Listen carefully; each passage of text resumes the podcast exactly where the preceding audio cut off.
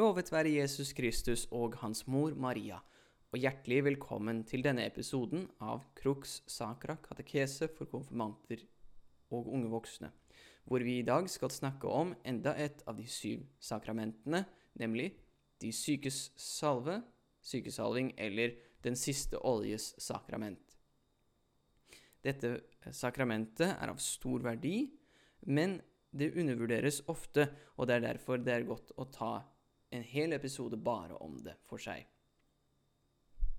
Guds miskunn viser seg, som vi vet, i alle sakramentene, men på en spesiell måte ser vi i dette sakramentet en videreføring av Kristi omsorg for de syke og de døende, som han holdt så meget av og ønsket å helbrede.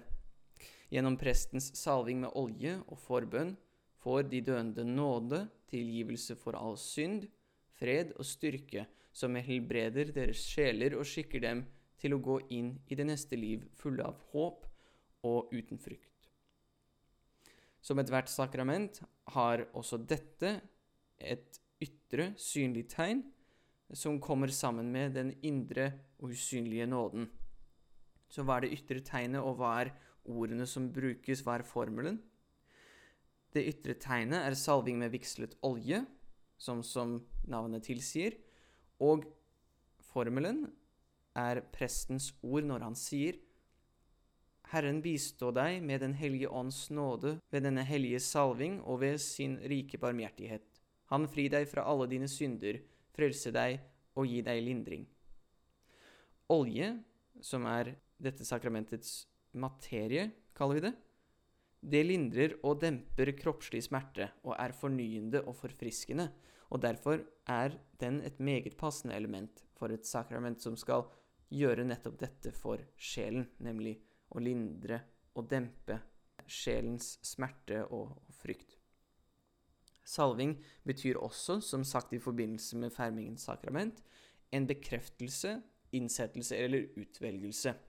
Og i dette sakramentet forsikres den døende ved salving at han eller hun er utvalgt og innsatt i det evige liv og bekreftet i Guds nåde. Så innstiftet Kristus også dette sakramentet.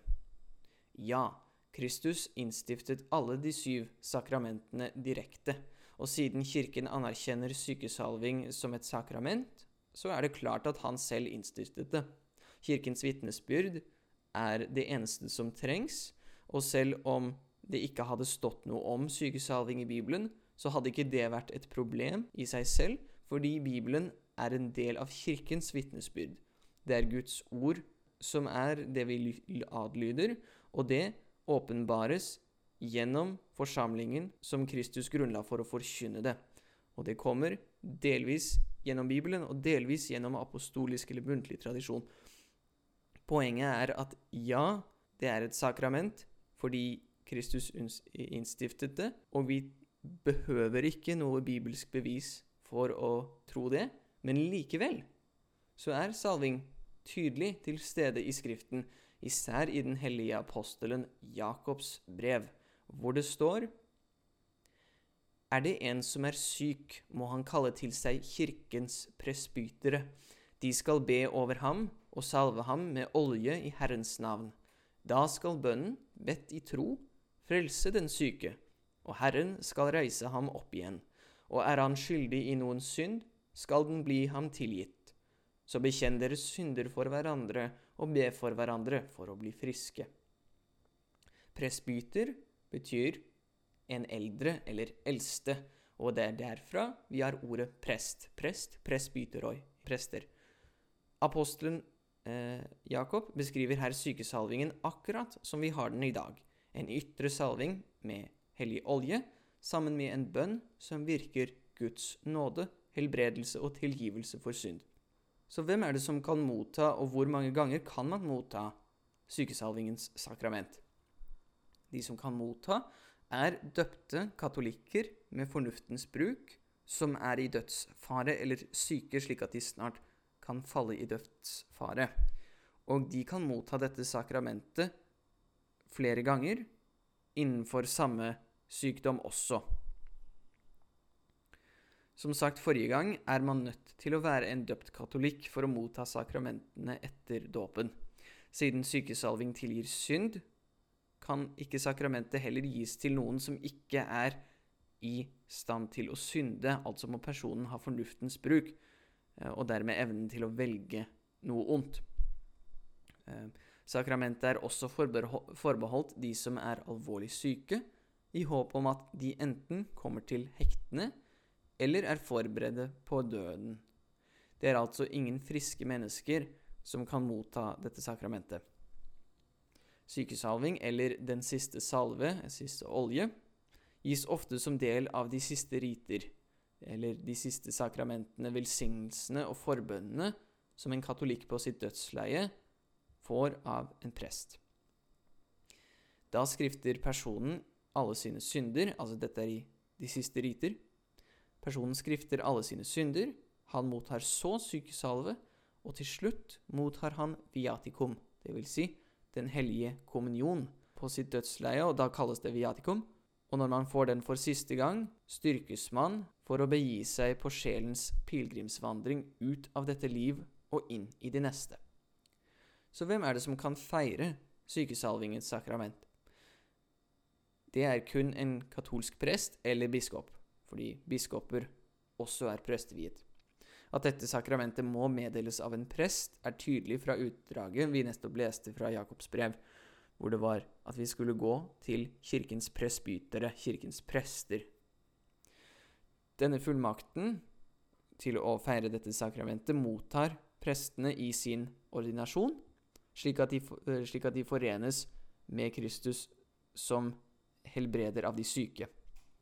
Fordi sakramentet tilgir synd, er det bare prestene og biskopene som kan feire det. De alene har nemlig den evnen fra Kristus til å tilgi synder. Så hva er det som hender med personen som mottar sykesalving? Hva er det usynlige elementet? For det første, som, et, som ethvert sakrament, virker sykesalving en økning i helliggjørende nåde. Og da skal det hjelpe den sykes sjel til å motta helbredelse og nytt liv. Sykesalving er åndelig medisin og skal fylle den troende med styrke og med fred.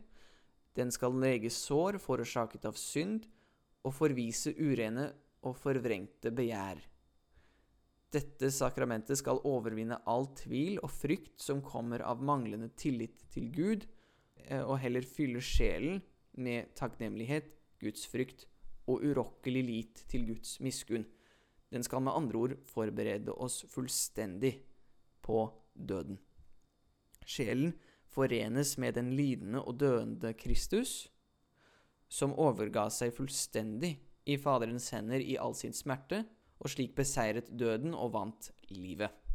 Det er ved dødens ran at vår egen frykt og djevelens fristelser og angrep herjer som verst. Og da trenger vi et like sterkt middel til å kjempe imot. De som oppsøker dette sakramentet, vil dermed finne trygghet og fornyet tapperhet til å holde ut til det siste.